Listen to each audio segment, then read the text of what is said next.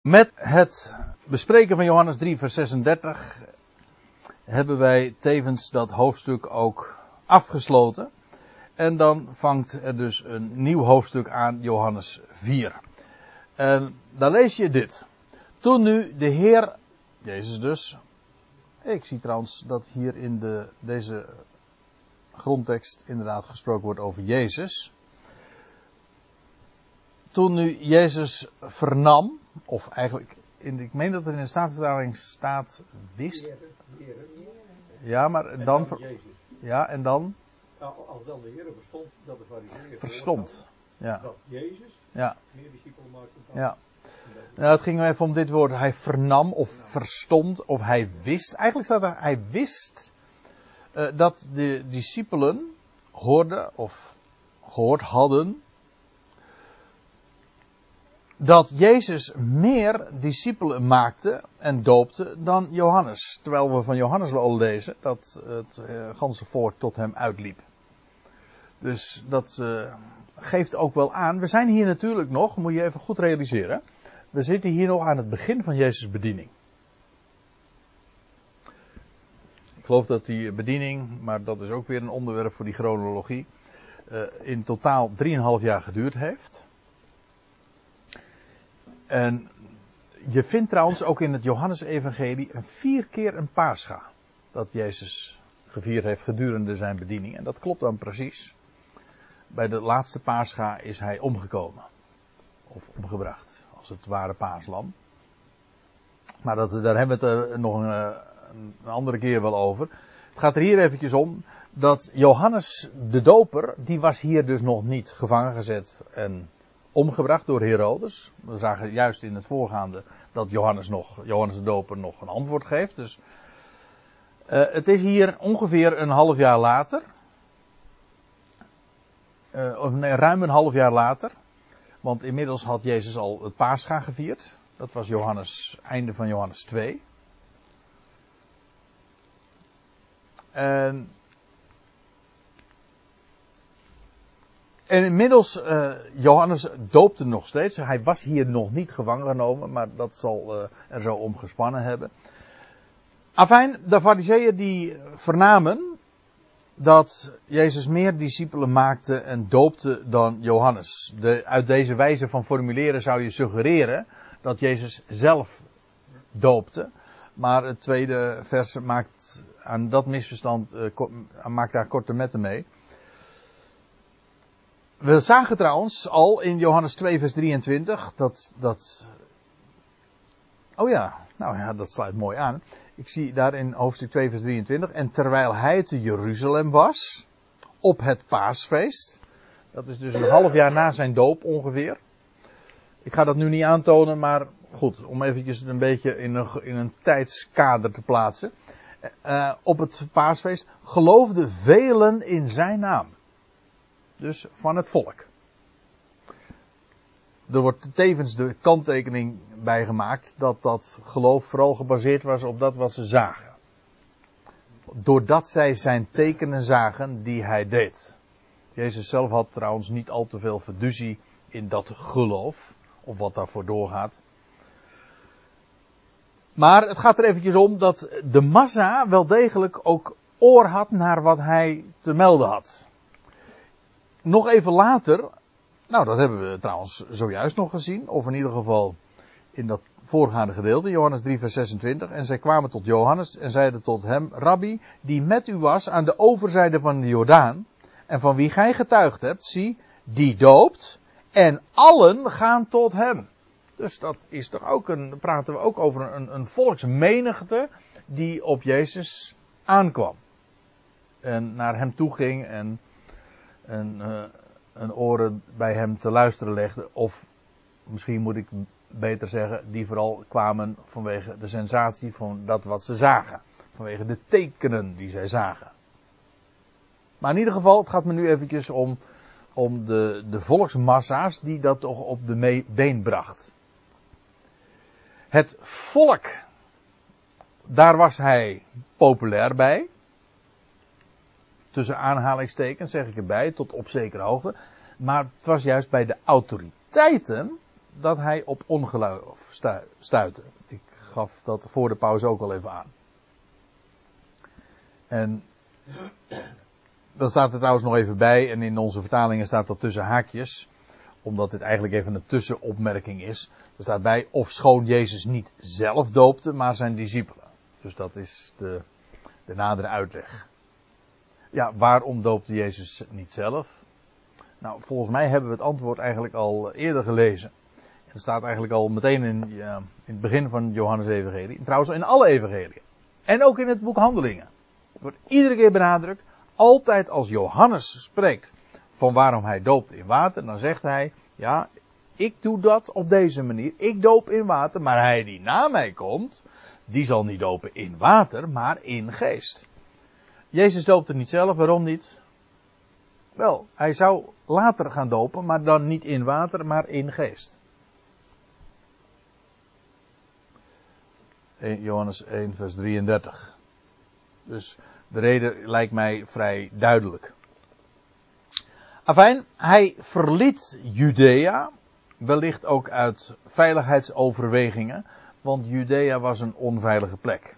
Wellicht ook dat in die tijd dan ook, als je dat vergelijkt met de andere evangelie, het wordt in Johannes evangelie niet beschreven, maar uit de andere evangelie weten we, Matthäus, Marcus, Lucas, dat Johannes bij, in die tijd ook, dus terwijl Jezus openbare optreden nog maar een half jaar duurde ongeveer, of iets langer, dat Johannes de Doper ook gevangen is genomen en vervolgens is ter dood gebracht door Herodes. Maar dat was allemaal in Judea, waar, dus in het, in het zuiden. Ik zal straks even een kaartje ook laten zien. En hij vertrok weder, dat wil zeggen hij ging weer terug naar Galilea, want daar woonde de Heer Jezus in. Hij kwam uit Nazareth, is later in Capernaum gaan wonen. Dat lezen we ook in het Johannes Evangelie trouwens. Maar dat betekent dus dat de manier waarop dit hier geformuleerd wordt. Hij verliet Judea, hij vertrok naar Galilea. Dat betekent dat als Johan, Johannes 4 spreekt over zijn verblijf in Samaria, zijn verblijf in Samaria, dan is dat feitelijk een onderbreking. Hij ging namelijk naar Galilea. Dat was zijn doel. En ik zeg dat er expres eventjes zo bij. Niet omdat ik dat nu al uiteen wil zetten. En, maar over die typologie van de navolgende geschiedenis. Van dat gesprek met de Samaritaanse vrouw. En dat verblijf van twee dagen in Samaria.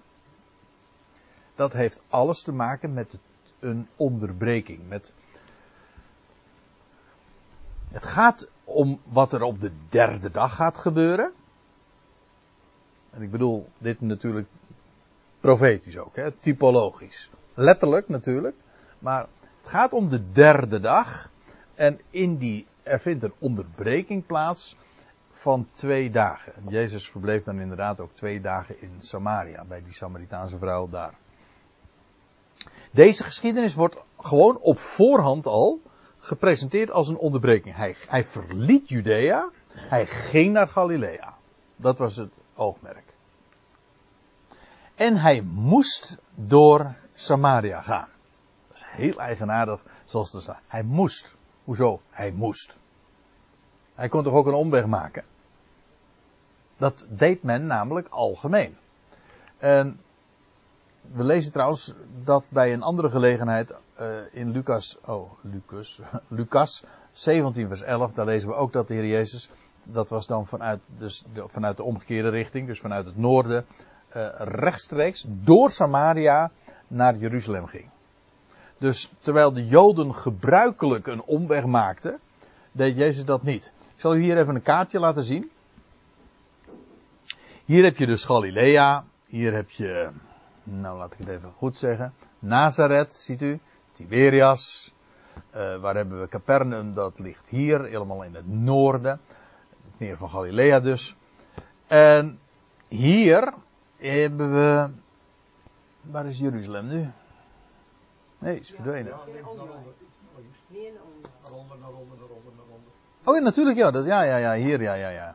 Ja, want hier is de Dodenzee, ja, precies. Uh, Eh, hier is dus Jeruzalem. Wel, daar was de Heer geweest voor het Pascha. Eh, dan lezen we vervolgens in Johannes 3 dat hij ook daar ging, dat hij zijn discipelen gingen dopen. Dus dat zal bij de Jordaan geweest zijn, hier. En nu ging, hij verliet Judea. Dit Judea is gewoon deze hele streek.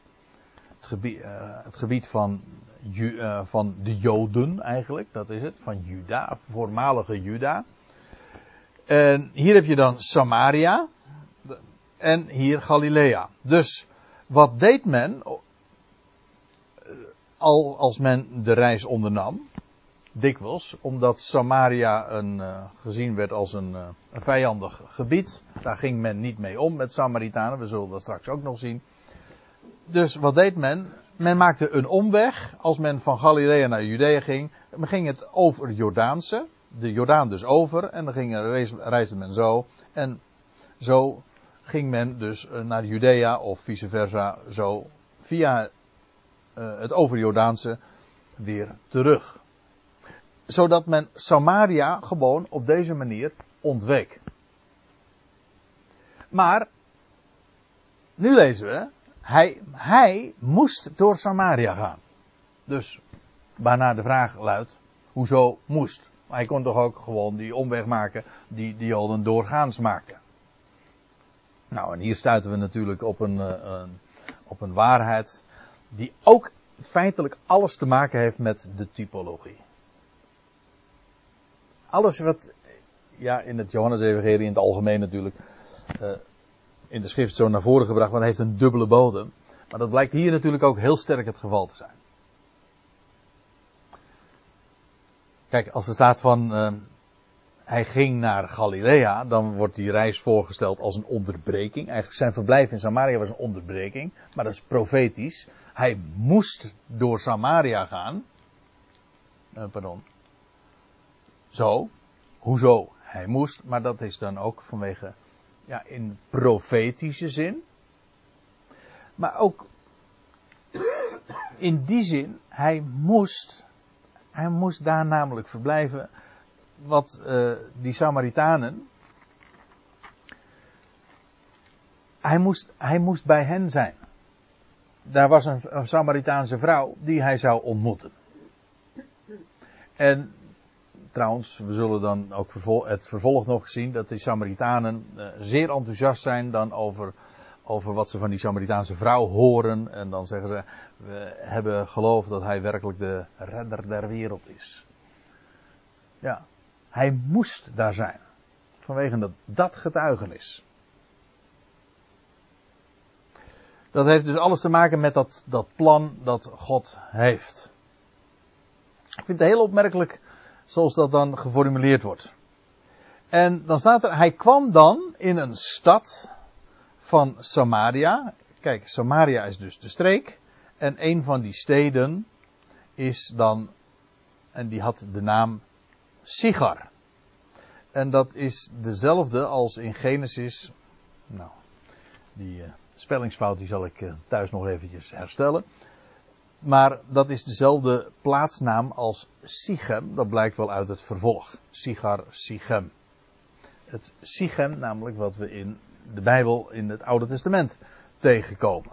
U ziet, trouwens, laat ik dat kaartje er nog een keertje bij halen.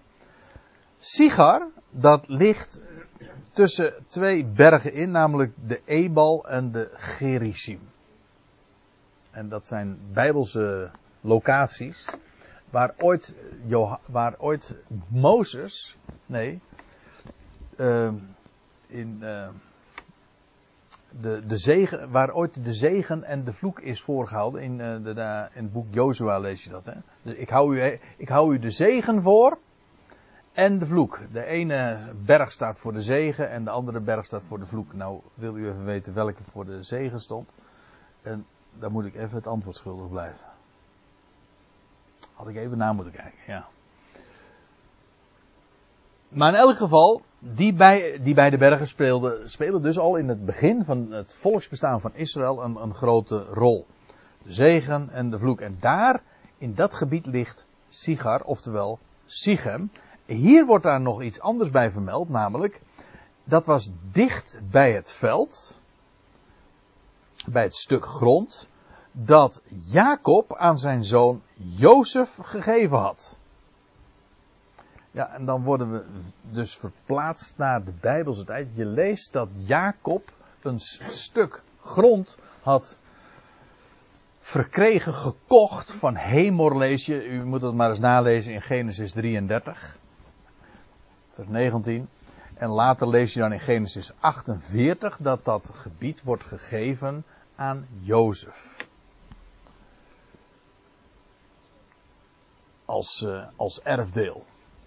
Dus dit is het stamgebied van Jozef. En het was verkregen dus door Jacob. En zodat we meteen dus naar de aartsvader Jacob hier worden verwezen. En daar wordt er nog iets bij vermeld. Daar was de bron van Jacob.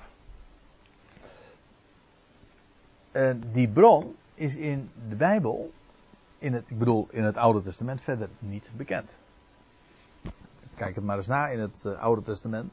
Maar je vindt daar die bron nooit genoemd. Maar er was een bron. Het was een hele diepe bron. Ik, ik, je kunt het nu nog steeds. Uh, en dat was ongetwijfeld in de dagen van het Oude Testament ook al het geval. Een hele oude bron. Heel diep ook trouwens. Tientallen meters diep. En dat werd dan de bron van Jacob genoemd. Waarom? Omdat het, die bron lag. Uh, waar zuiver water uit ontsprong. En dat, die, er wordt de bron van Jacob genoemd omdat het lag in het gebied dat Jacob ooit had gekocht, verkregen. En in datzelfde gebied liggen trouwens ook de aartsvaders begraven. Je leest in Genesis 23 en 30 trouwens nog bij uh, dat Jacob. Nou, laten, laten we het even lezen. Ik heb er geen diaatje van, maar in Genesis 33 staat erbij.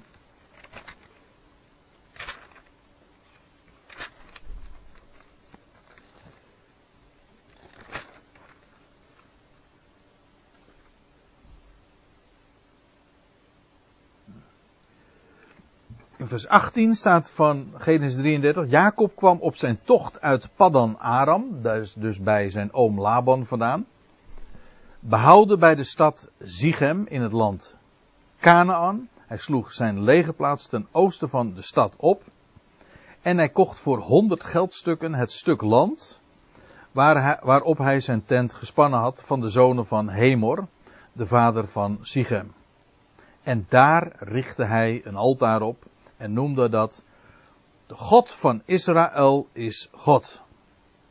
Dus als hij net daar uit het buitenland is gekomen, let op, uh, wil ik er ook nog even op wijzen. Hoe lang had Jacob in het buitenland vertoefd? Bij zijn oom Laban. Twintig. Twintig jaren. Ja. En Zoals de twee dagen spreken van de twee millennia, spreken de twintig jaren feitelijk van de twintig eeuwen. Eigenlijk weer dat verblijf van Jacob in het buitenland. En dan komt hij weer terug uit het buitenland na die twintig jaren. En dan koopt hij dat, uh, dat veld, dat stuk grond, waar hij zijn tent had opgeslagen van, van Hemor. De vader van Sichem. Dus moet zich voorstellen, dat was allemaal nog uh, in een tijd waarin er niet heel veel mensen op aarde rondliepen. Het was nog maar een paar honderd jaar na de zonsvloed, per slotverrekening. Eigenlijk apart dat juist dat stuk grond voor de In die zin ja. Ja, maar dat had te maken dat de Samaritanen daar natuurlijk had, dat gebied hadden geclaimd. En ongetwijfeld. noem eens een keer iets waar uh, niet veel meer achter zit dan.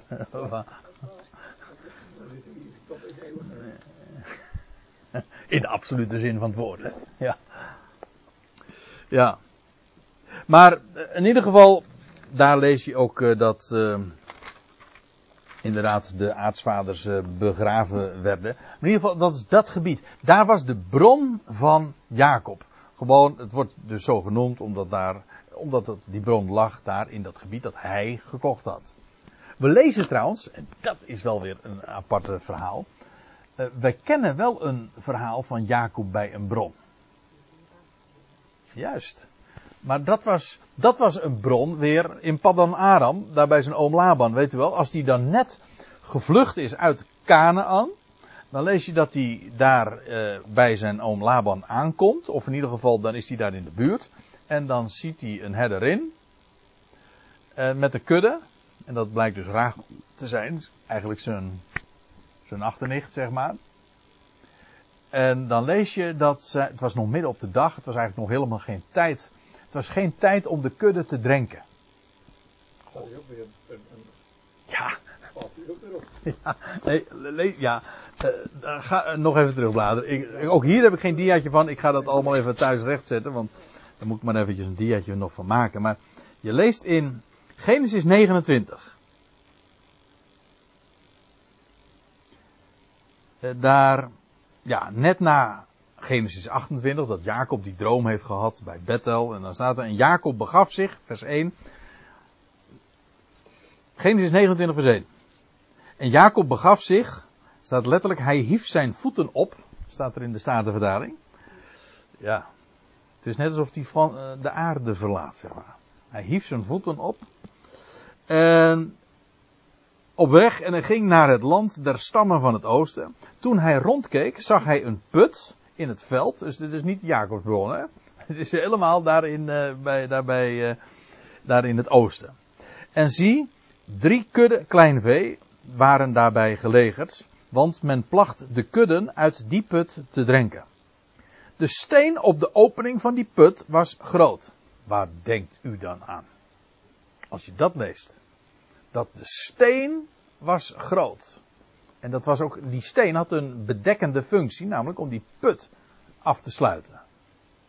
De steen was groot.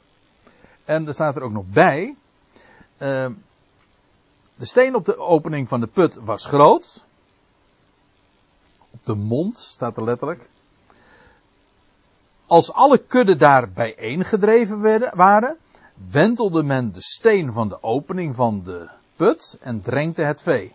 Daarna bracht men de steen weer op de opening van de put op zijn plaats. En Jacob zei tot zijn herders, mijn broeders, van waar zijt gij? En ze zeiden, wij zijn van Haran. En daarop zeide hij tot hen, kent gij ook Laban, de zoon van Nahor? Ze zeiden ja. Vervolgens zeide hij tot hen, gaat het hem wel? En ze zeiden ja, maar zie, daar komt zijn dochter, Rachel, aan met, de, met het kleinvee. En toen zeide hij, zie het is nog volop dag. De dag is nog groot, staat er. En het is nog geen tijd dat de kudde bijeengedreven wordt. Drenkt het vee en gaat het weer weiden. Maar ze zeiden, dat kunnen wij niet. Voordat al de kudden bijeengedreven zijn, dan wentelt men de steen van de opening van die put en drenken wij het vee. En terwijl hij, terwijl hij nog met hen sprak, kwam Rachel eraan met het kleinvee van haar vader, want zij was een herderin. En zodra Jacob Rachel, de dochter van Laban, de broeder van zijn moeder zag, en het kleinvee van Laban, de broeder van zijn moeder, trad Jacob toe, wentelde de steen van de opening van de put en het drenkte het vee van Laban, de broer van zijn moeder. en Jacob kuste Rachel en verhief zijn stem en hij weende. Een zeer emotioneel moment. Maar wat dan zo eigenaardig is, is men moest wachten. Er was een tijdstip dat als al die kudden verzameld zouden worden, dan werd de put geopend, werd de steen weggewenteld, maar dat moest men kennelijk gezamenlijk doen, want dat kon je niet uppie niet doen. Maar wat doet Jacob nou? Hij, ziet, hij ziet Rachel, en wat gebeurt er? Op een tijdstip dat eigenlijk nog niet dat moest, of mocht, of niet gedaan werd, wordt de steen weggewenteld zodat, zodat de kudde van Rachel al kan. Want dat, dat is wat staat. Zodat de kudde van Rachel al gedrenkt kan worden. Ja, er zit. Ik hoor, ik hoor nu, je nu weer zeggen van. Volgens mij zit daar nog wel wat meer achter. Nou, volgens mij ook. Maar die steen die weggewenteld wordt, ja, waar, waar anders zouden mee te maken hebben, naar verwijzen. Naar die, namelijk naar het geopende graf. Ja? En hij, en hij, hij, Jacob is hier ook een, schitterend type natuurlijk van de Heer zelf. Die de steen we, deed wegwentelen. Geen mens, dat kon eigenlijk helemaal niet, maar hij deed het. Hij deed het ook uit liefde, want hij was zo geraakt door die ontmoeting met Rachel. Zodat die liefde hem die kracht gaf. En op een tijdstip, terwijl nog, de kudden zouden nog, waren nog niet allemaal verzameld, Dat vind ik ook een prachtig beeld, want ja, straks gaan al die kuddes, eh, ik bedoel, de, alle, de hele volkerwereld zal drinken, jawel, maar de steen wordt al eerder weggewenteld. Namelijk voor degenen die daar bij die kudde, bij die bron zijn. En die drinken van dat water. Doordat, doordat hij die steen heeft weggewenteld. Nou ja, terwijl ik er zo over denk, en zoals ik het formuleer, u, proeft, wel hè, van het water. Dit, is, dit spreekt van leven. En, nou, dat was, dat was een bron in de geschiedenis van Jacob. Ja. Verwijst daarmee meteen alweer naar, naar de opstanding, naar de weggewentelde steen. Maar hier was ook een bron van Jacob. En ik aarzel nu om daar nog wat meer over te zeggen, om verder te gaan. Nou, laat ik, nog, laat ik uh, volstaan met deze ene opmerking nog. De bron van Jacob heeft te maken met ook met de bron dat ook dikwijls in de Bijbel een aanduiding is van het woord van God. Hoe vaak eh, worden de, de woorden Gods niet vergeleken met een bron? Ik moet uh, denken aan, aan, de profeet Jeremia, dat, dat, staat, dat er staat van mij, de bron van levend water, hebben zij verlaten en ze hebben zich uitgehouwen bakken gemaakt. Die geen water bevatten, of hoe het, geen water kunnen houden. Eigen tradities. Maar de bron, dat is natuurlijk dat wat God te gegeven heeft. Maar nu even iets anders. Aan wie zijn de woorden Gods toevertrouwd? Aan het volk van Israël, aan het volk van Jacob. Aan dat volk zijn de woorden Gods toevertrouwd. Dus als je water wil drinken, ja, dan, moet je, dan kom je bij, bij de woorden uit van de schrift. De woorden die aan dat volk, aan het volk van Jacob zijn gegeven. Daar vind je de bron.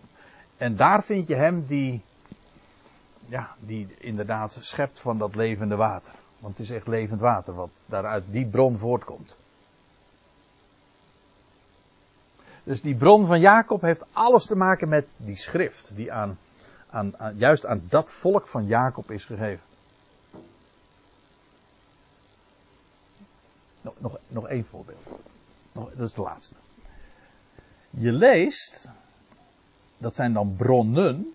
Je leest in de geschiedenis van Israël dat ze op weg zijn naar de. Ja, op weg naar het beloofde land. Dan zijn ze net uit Egypte getrokken. Dan lees je ze kwamen in Elim. En daar staat er, daar waren twaalf waterbronnen. Ja, waar spreekt twaalf nou van? Nou, laat Jacob het antwoord maar geven. Hij dat zijn mijn zonen. De twaalf, de twaalf zonen van, van Jacob. De twaalf. Dus het volk van Israël. Maar dan arriveren ze daar in, in. Daar, en daar staat erbij. Ik meen dat het Exodus 14 of 15 is. En daar staat erbij. Daar waren 12 waterbronnen en 70 palmbomen. Wordt dat er nou bijgezegd? Hoe hebben ze die palmbomen allemaal geteld? En ja, ja, dus wel, want anders staat het er niet bij. Maar waarom wordt dat aantal vermeld? Nou, omdat 12 het getal van Israël is, 70 is het getal van de volkeren. De 70 naties. En wat nou, weet je wat ik nou zo mooi vind? Die, dat was gewoon een oase. Hè, waar ze, ze waren onderweg, ze waren in de woestijn, dan komen ze in een oase. Er waren twaalf waterbronnen maar liefst. En 70 palmbomen. Dus die allemaal rond die bronnen, die twaalf bronnen, waren verzameld. Of waren ge, gegroepeerd. Nou, hier ligt de, de betekenis zo voor het opscheppen zou ik zeggen. Want de volkerenwereld, die, hoe Waar ontleent die haar voedsel aan, haar water, dat wat ze nodig heeft? Wel aan die twaalf waterbronnen. Kortom, dan denken we toch weer aan het woord dat aan Jacob, aan dat volk is gegeven. En daar moeten we het maar even bij laten, want ik zie dat het vijf voor tien is. En uh, dan gaan we het te vol. Sorry? Dat volk zit dan weer in de schaduw van de boom. En de volk zit in de schaduw, ja. En drinken daar ook uit die bron. Ook uit die twaalf uh, waterbronnen. Dus, Nou, dat lijkt me een aardige opstap eh, om de volgende keer, dat wordt dus volgend jaar, verder na te denken over die bron van Jacob en de gesprekken die daar plaatsvinden. Maar zo zijn we een beetje, in ieder geval, hebben we het smaak te pakken gekregen. Het zijn prachtige beelden allemaal. Zullen we het hierbij laten voor vanavond?